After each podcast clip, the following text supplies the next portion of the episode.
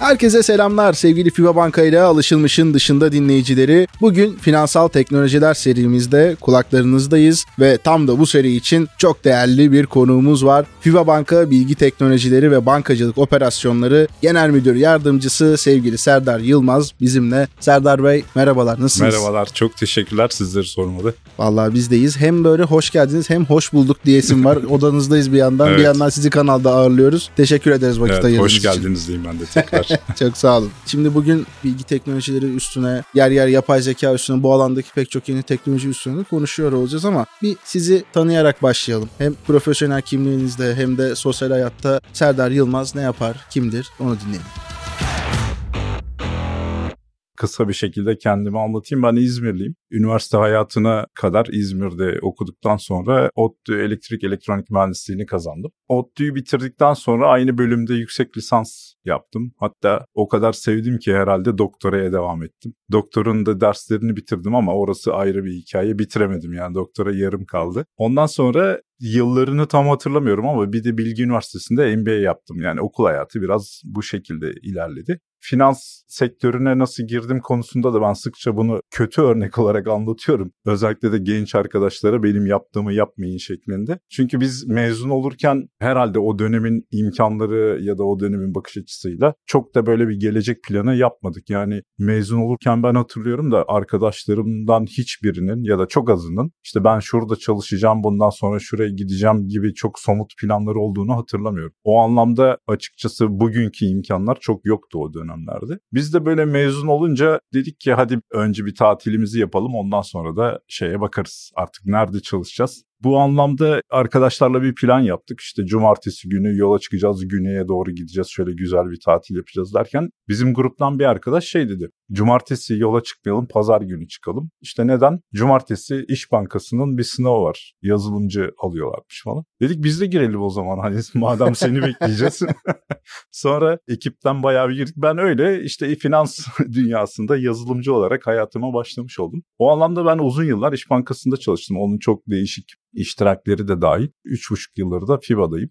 Yani okul ve iş hayatı biraz böyle yani finans sektörüne girişimde böyle çok bilinçli olmadı açıkçası. Bu arada ben tabii okul tarafında da elektronik mühendisliğinin biyomedikal alanında ilgiyi duymaya başlamıştım. İşte master'ım EKG cihazlarının simülasyonuyla ilgiliydi. Daha sonra yaptıkça sevdim işte bu sefer MR teknolojileriyle falan giderken bir taraftan çalışıyorum ama aklımda hep o dünya vardı. Ama bir şekilde akademik taraf ilerlemedi ve işte artık bankacılığın, finansın göbeğinde buldum kendimi. Bunun dışında ne yapıyorum? Koşuyorum 5-6 yıldır. Düzenli koşuyorum. İstanbul'daki o yarım maratonları falan kaçırmıyorum. Hı, tam onu onları. soracaktım ne güzel ya. Evet o bayağı benim için böyle güzel bir stres atma yöntemi oldu. Bir yıldır da boks yapıyorum. Bunu da hani böyle reklam olarak kullanıyorum Bana arada. ters soru sorma oğlum. Ona göre. o anlamda sporla aram fena değil yani. Sıkça yapmaya çalışıyorum. Onun dışında evde çok büyük curcuna var. Bir kızım var, iki oğlum var. Onlar ikiz oğlanlar. Bir de köpeğimiz var derken bayağı hareketli, şenlikli bir ortam var şenlikli bir ortam var evde. Ne kadar güzel ya. Yani aslında bu kanalda işte şu anda 24 bölümü yaklaşıyoruz. Hep şunu gördüm. Dinleyiciler tarafında da gelen bir yorumdu. Biz de hani yaşamadan bunun bu kadar böyle renkli olabileceğini bilemezdik. FIBA Banka bünyesinde hemen hemen kimi ağırlasak burada sosyal hayatında bayağı hareketliliği olan veya işte farklı farklı böyle yerlerden gelmiş ve bir şekilde uzmanlık kazanmış bir durum var. Bunun ne kadar üst yönetimde de böyle olduğunu Evet, da evet. görmüş Hatta oluyoruz. şey yorumları oluyor. Ben koşuya çıkınca bazen işte arkadaşlara fotoğrafımı gönderiyorum koşarken. Yine evden kaçtın değil mi? Evdeki curcunadan kaçtın diye.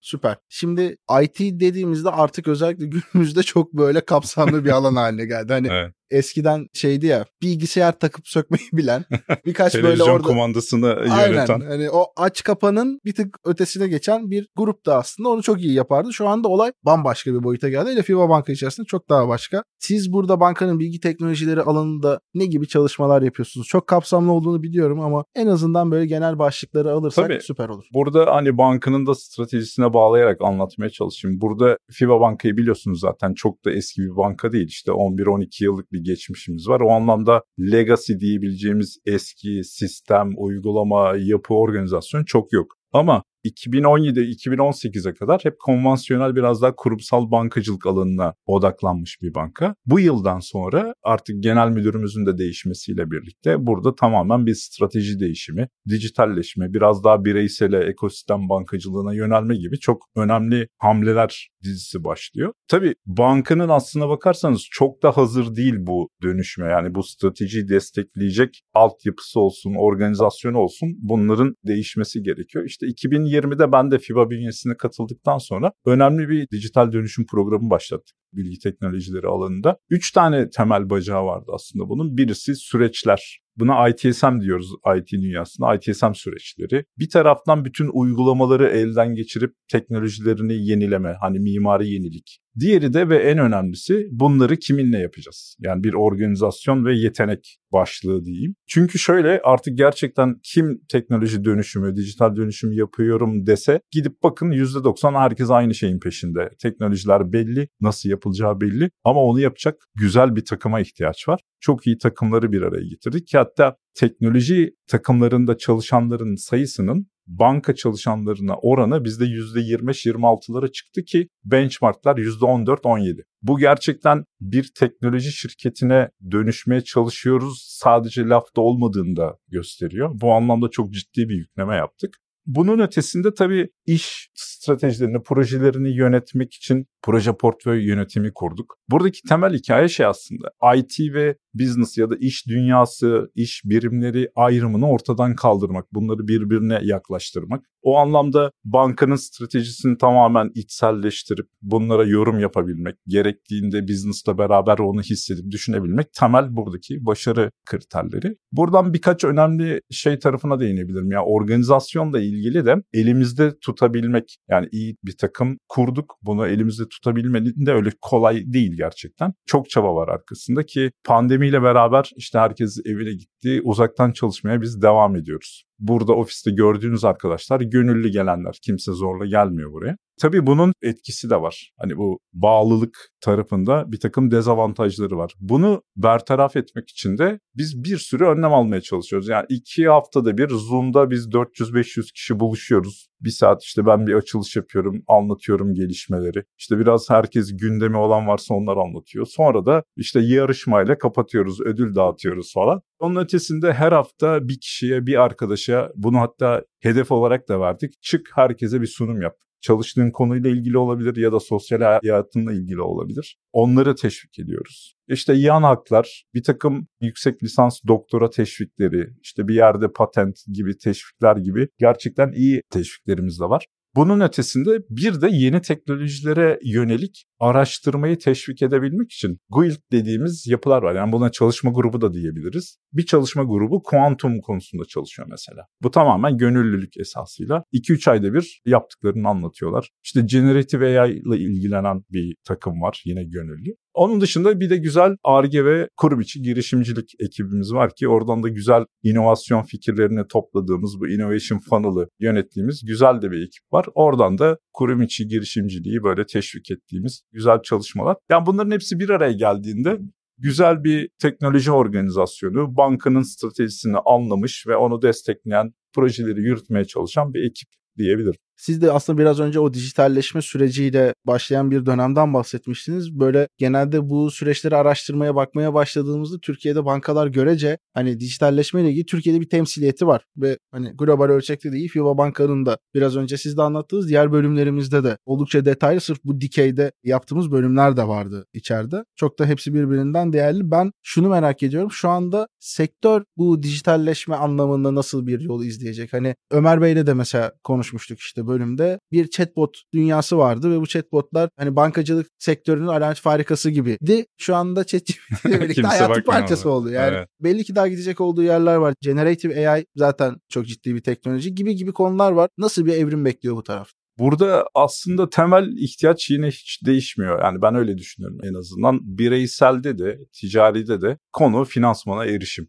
finans dünyası bunu bir şekilde kolaylaştırmak zorunda. Çözülecek problem bu. Problem aynı ama o kadar yöntemler ve yaklaşımlar değişiyor ki ki bu da işte değişen teknolojiyle gelişiyor tabii ki kendini gelişmeye zorluyor. Bu anlamda finans dünyası da gerçekten bunu çok iyi yapan sektörlerden birisi. Pandemi zaten bunu inanılmaz hızlandırdı. Ama görüntü şu. Bankacılığın görünmez olduğu yani buna bazen embedded finance banking de deniyor. İşte gömülü bankacılık biraz kötü bir tabir gibi. O yüzden görünmez bankacılık daha güzel geliyor bana. Yani herhangi bir yerde finansmana ihtiyacınız var, bir alışveriş yapacaksınız, krediye ihtiyacınız var gibi herhangi bir platformda online olabilir, fiziksel olabilir. Bu finansman sizin ayağınıza gelsin ve o kadar kullanıcı deneyimi pürüzsüz olsun ki müşteri bunun peşinde. Bu anlamda bence bu devam edecek.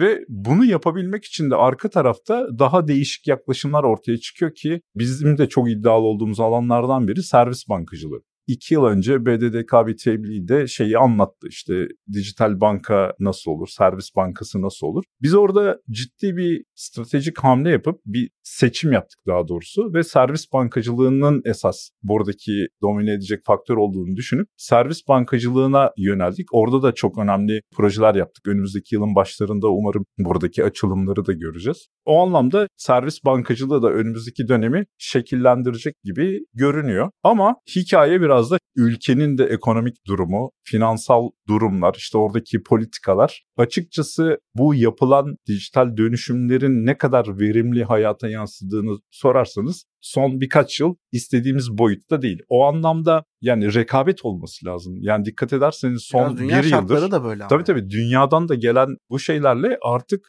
çok rekabete yönelik değil bankalar. Biraz daha böyle bu dönemi geçirmeye yönelik Daha korumacı çalışmak. bir yaklaşım e, var. E, aynen savunmadayız aslında biraz. O anlamda bu iklim güzelleşmeye başlıyor. Hani 2024 bu anlamda çok umut veriyor. Bu dönüşümlerin hani insanların hayatına dokunabileceği özellikle bu finansmana erişim konusunda ben önümüzdeki yıl çok daha parlak olacağını düşünüyorum. Süper. Bir yandan finansmana erişim denince de işte hani akıllarda ufak tefek böyle yatırımlar veya bu sermaye piyasalarını takip etmeyle ilgili şeyler geliyor. Oralarda da hatta şu anda işte bizim işimizde bile podcast'te bile yapay zekanın inanılmaz bir kullanımı da karşımıza çıkmaya başladı. Siz de bir yapay zeka alanında liderlik deneyiminiz de var. Bu alanı geliştirmek için siz ne gibi parametreler üstüne çalıştınız, nelere dikkat ettiniz? Bir de ufak ek bir sorum. FIBA Banka'nın bu alanda yapmış olduğu ne gibi çalışmalar var? Bir metrik vesaire bir şey takibi yapılıyor mu? Nasıl ilerletiyor bu süreçte? Tabii şöyle aslında yapay zeka çok renkli bir konu. Hatta şeyi çok seviyorum ben. 1956'da bu John McCarthy ilk yapay zeka ifadesini kullanan kişi. 1956'da Dartmouth Koleji'nde bir seminerde toplanıyorlar. Konu yapay zekayı konuşmak, tartışmak. İşte bu bir hafta falan süren bir etkinlik. Sonunda işte bir yayın yapıyorlar ve diyorlar ki 50 yıl sonra bir daha buluşalım. Gerçekten de 2006 yılında tam 50 yıl sonra şeyde buluşuyorlar. Yine aynı yerde Dartmouth Koleji'nde. Bu John McCartney orada da var 50 yıl sonra ama adam 2011'de ölmüş daha sonra. 2006'da da 2056'da buluşmak üzere tekrar anlaşıyorlar ve dağılıyorlar. Çok güzel bir hikaye. Burada tabii 2056 biraz fazla uzatmışlar. Artık o kadar uzun 50 yıl sonra ne olacağı hiçbir şey Tam neyin kalacağı belli değil. gelişim süresi hani eskiden işte 10 yılda olan 5 yılda oluyor. Aynen. 3 yılda oluyor 1 yılda oluyor gibi evet, bir döngü evet. var ya. Yani aslında ben de şey beklerdim burada. 2056 değil de 10 yıl sonra 20 yıl sonra buluşalım. Çünkü gerçekten hani geçmiş 50 yılda olanın belki de kat kat çoğu önümüzdeki dönemde olacak. Bu arada şey de enteresan. Türk matematikçi Cahit Arf 1959 yılında da bir makalesinde makinalar düşünebilir mi diye bir makalesi var. Erzurum Üniversitesi'ndeki bir konferansta yayınlamış bu makaleyi. O da çok enteresan. O makalede yapay zeka ifadesini kullanmıyor ama hemen hemen aynı dönemde oraya atıflar var yani arada ilişkiler var. Çok ilginç o da. Şimdi burada yapay zekada benim de epey bir tecrübem oldu bu konuda. Yapay zeka konusunda çok çalıştım en önemli yaklaşım şu. Yani yapay zeka o kadar çekici bir alan ki insanlar onun büyüsüne kapılıp sanat için yapay zekaya dönüyor iş. Ben bunu çok gördüm. çok güzel tabirmiş bu arada. Çok iyiymiş. Süper. Yani gerçekten bunu sanat için yaparsanız içinde kayboluyorsunuz. Doğru dürüst bir değer çıkaramıyorsunuz ama o kadar mutlusunuz ve yapmaya devam etmek istiyorsunuz. Bağımlılık yaratıyor. Gerçekten o kadar keyifli bir alan. Ama şeyi kaçırmamak lazım. Yani yapay zeka bir problemi çözmesi gerekiyor. Bunu kaçırmamak için yani gerçekten ortada bir iş problemi olmalı. İş problemini anlamalı bir ekip ve onu çözecek şekilde yapay zeka modelleri, algoritmaları geliştirilmeli. Yani bunu ben çok tecrübe ettiğim için buradaki en büyük düşülebilecek tuzaklardan birinin bu olduğunu düşünüyorum ki organizasyonların içerisinde bu konularda uğraşan ekiplerde de hep bu dilemma oluyor. Yani birileri diyor ki onu ben yapacağım, bizim takım yapar bunu. Oysa yapılmışı var işte al kullan gibi çok konu var. Bunu kaçırmamakta fayda var. Bu anlamda FIBA Banka'nın buradaki yaklaşımı ve avantajı şu olabilir. Biz teknoloji ekibi o kadar stratejinin içindeyiz ki konuyu ve iş problemlerini hem hissediyoruz hem de çok iyi anladık. O anlamda teknolojik çözümlerde bunları çok iyi adreslediğimizi düşünüyorum. Bunun ötesinde şeye gelecek olursak tabii şimdi yapay zeka çok genel bir kavram ama son birkaç yıldır işte bu generative AI konusuna çok popüler oldu. Bu da çok ilginç. Yani aslında konu doğal dil işlemenin bir evrimi gibi gelişiyor. NLP dediğimiz şey normal istatistiksel modellerden sonra işte machine learning modelleri, biraz daha derin öğrenme modelleri gibi gelişirken çok enteresan 2017'de Google'da çalışan işte 7-8 tane adam bir makale yayınlıyorlar ve bir buluştan bahsediyorlar aslında bir yaklaşımdan bahsediyorlar. Adı da çok havalı Attention is all you need şeklinde. Burada işte Transformer model denilen aslında derin öğrenmeye bakış açısını değiştiren farklı bir yaklaşım. İşte encoder decoder modelleri dediğimiz bir yaklaşım anlatan bir makale. Hatta bu çözümü pilot olarak Google'ın içerisinde biz bir deneyelim diyorlar ki yani bu chat GPT'lerin temelinden bahsediyorum bu arada. İçeride bunu pilot olarak kullanırken hep eleştirilen tarafı var ya bu chat GPT'nin işte yalan söylüyor, uyduruyor. Hatta işte içinde şey var bias var belli bakış açılarında bias olduğu da söyleniyor. Bu anlamda içeride bir problem çıkıyor. Yani çalışanlardan biri diyor ki bu işte atıyorum şu tip insanları kayırıyor gibi bir problem olunca bu sefer kapatıyorlar. Diyorlar ki bunu outsource olarak yayınlayalım diyorlar ve kullanan orada kullansın. kullanan kullansın ve patlıyor. O makaleyi yazan 7-8 kişi var. Hiçbiri şu anda Google'da değil. Herkes bir yerlere dalmış. Herkes bir startup'ın peşinde. Gerçekten bu inanılmaz bir dönüşüm. 2017 yılı bu anlamda bir devrimsel bir yıl yani bu makale. Ve bu teknolojinin üzerine şu anda geliştirilen bu generative AI modelleriyle çok çok iyi çeviri yapabiliyorsunuz. Çok çok iyi bir metnin ana özünü alabiliyorsunuz. Boşlukları doldurabiliyorsunuz ve adı generative olması üretken AI'ya. Zaten size yazı yazabiliyor,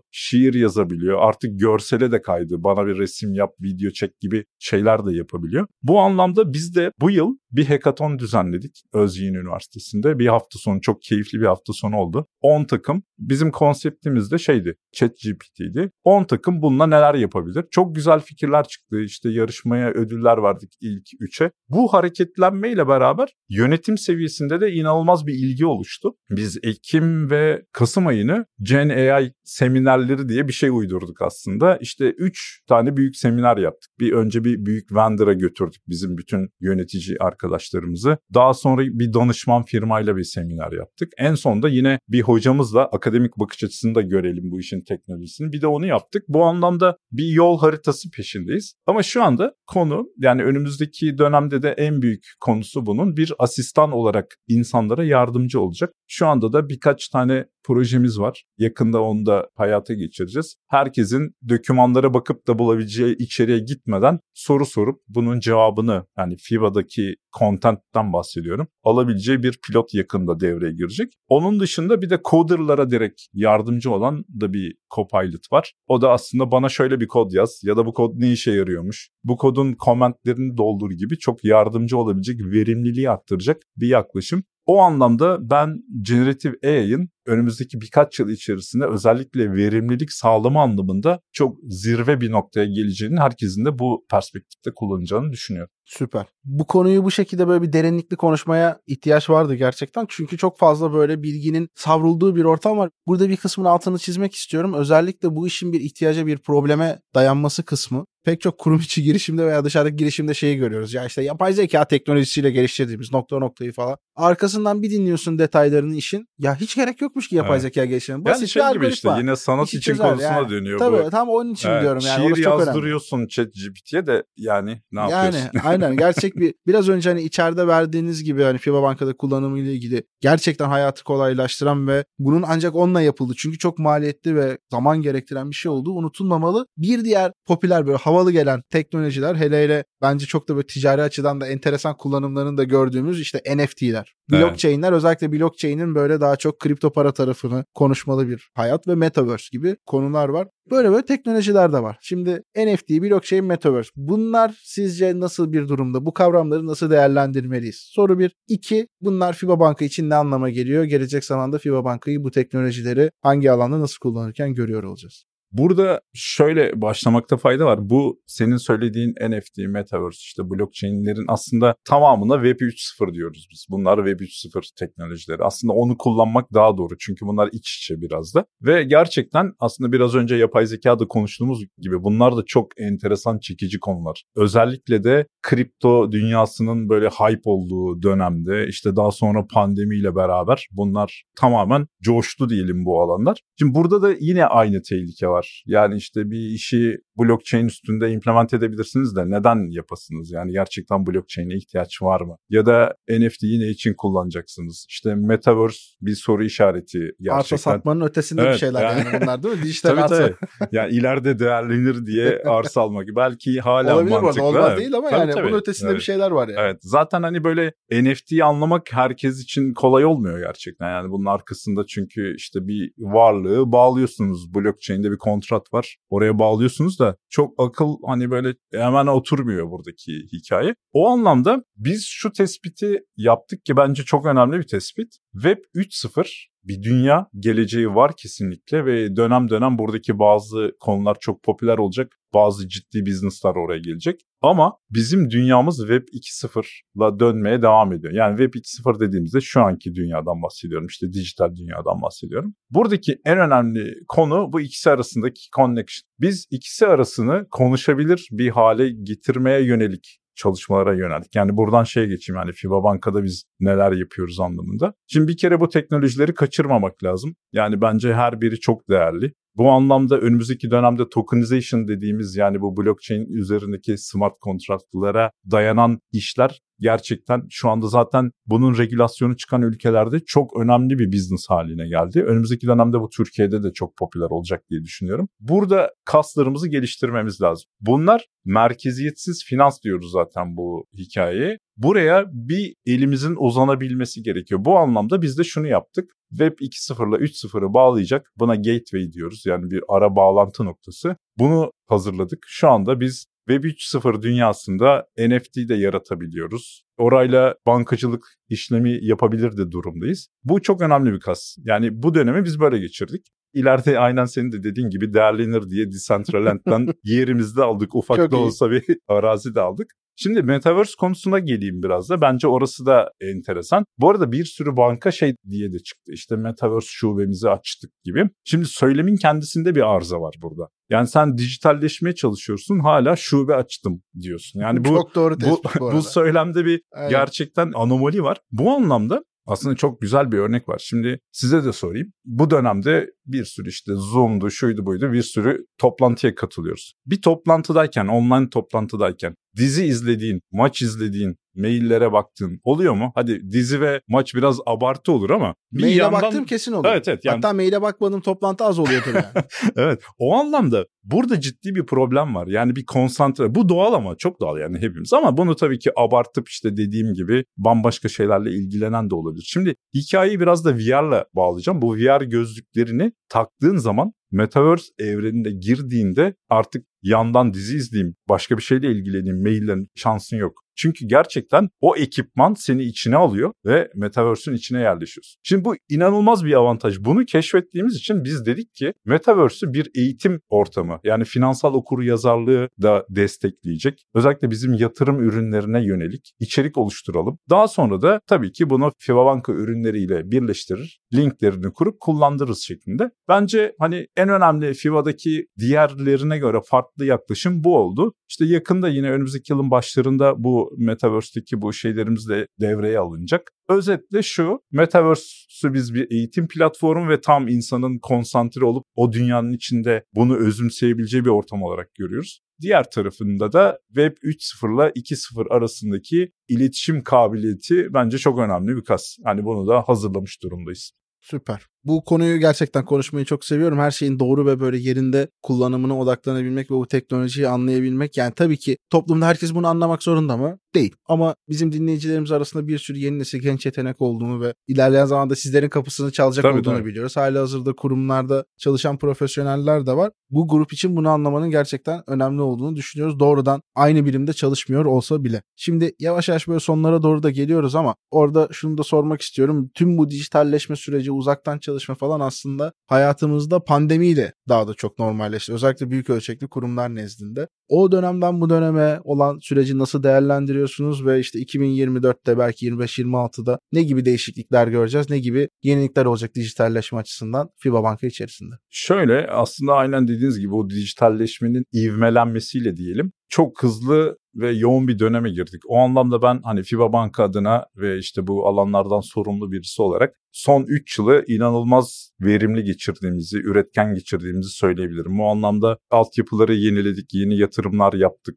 Sevmediğimiz, beğenmediğimiz ürünleri, altyapıları değiştirdik, yenisini koyduk. Mobil bankacılık uygulamamızda kullanıcı deneyimi olsun, yeni fonksiyonlar olsun çok iyi bir noktaya getirdik. Ödeme sistemlerini değiştirdik. İşte felaket kurtarma merkezi herkes bilmez ama hani bir felaket anında yedek sistemlere yönelik çok başarılı çalışmalar yaptık. Sonra bunu şuna bağlayacağım. Bu yaptıklarımızı gördük ki yani çok da iyi bir ekiple bunu yapınca aslında bunlar böyle sektöre de örnek olabilecek öncü uygulamalar. Bu anlamda şey fikirleri oluşmaya başladı son bir yıldır, altı aydır. Ya bunları böyle küçük girişimler gibi spin-off'lara döndürelim ve buralardan bütün finans dünyası faydalansın. Biz de hani yaptığımız sadece FIBA'ya hizmet vermesin bunu daha da değerli bir hale getirelim bu yatırımları. Bu perspektiften yani 2024'te şunu söyleyebilirim. En az 2-3 tane böyle spin-off'umuz var. FIBA'daki hikaye biraz buna evriliyor ki bu hani temel bankacılık uygulamasına kadar aslında belli fonksiyonların işte as a service dediğimiz mantıkla dışarıya çıkılması, işte ekosistem bankacılığı bizim için çok önemli. Bunu yaptığımız platformların dışarıya çıkarılması.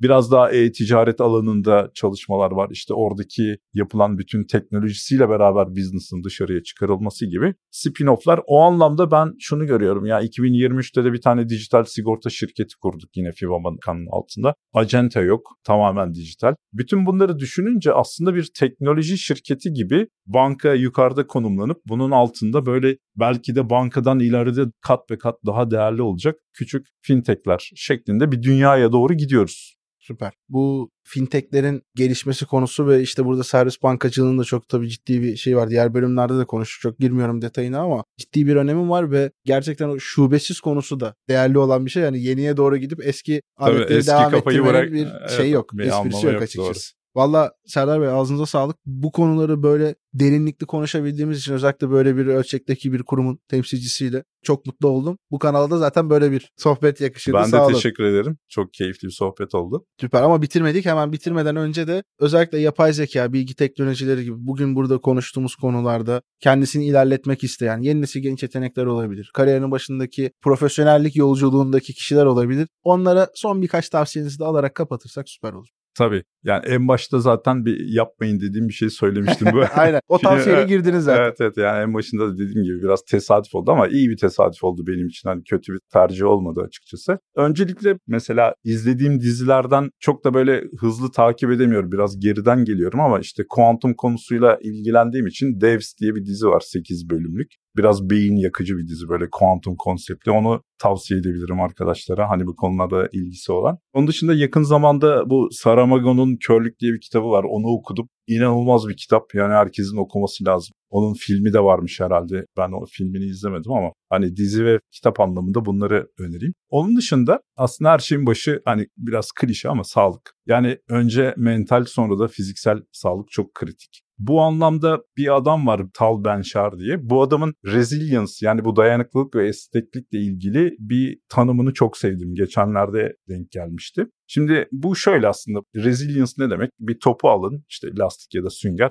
sıkın yani buna güç uygulayın sonra bırakın eski haline dönüyorsa bu işte esnektir dayanıklıdır eski haline dönebilme yeteneği aslında bu. Şimdi adam şunu tarifliyor resilience 2.0 Stresi uygula, eski halini bırak daha da iyi hale gelsin adam. Şimdi bu çok hoşuma gitti. Gerçekten şöyle düşünmekte fayda var. İşte gym'e gidiyorsunuz, işte biraz çalışalım, kas yapalım, güçlendirelim diye. Gerçekten kaslara stres uyguluyorsunuz ve geliştiriyorsunuz. Bunu hayatın bir felsefesi haline getirmek lazım. Stres olmadan gelişim olmuyor bir kere. O anlamda stresten zaten uzak kalmak mümkün değil. Ama buradaki işin özü ne? Bunu yönetebilmek. Stresi yönetebildiğiniz zaman ki işte bu iyi uykuyla, iyi beslenmeyle işte ben anlattım ipuçlarını verdim. Koşuyorum. Niye koşuyorum? İşte stresi atmak için koşuyorum ya da işte bambaşka uğraşlar bulmak, belki meditasyon yapmak gibi şeyler de olabilir. Ama stresten kaçmamak, korkmamak ama onu yönetmek yoksa hani strese sürekli maruz kaldığınızda yani yine kas örneğine dönecek olursak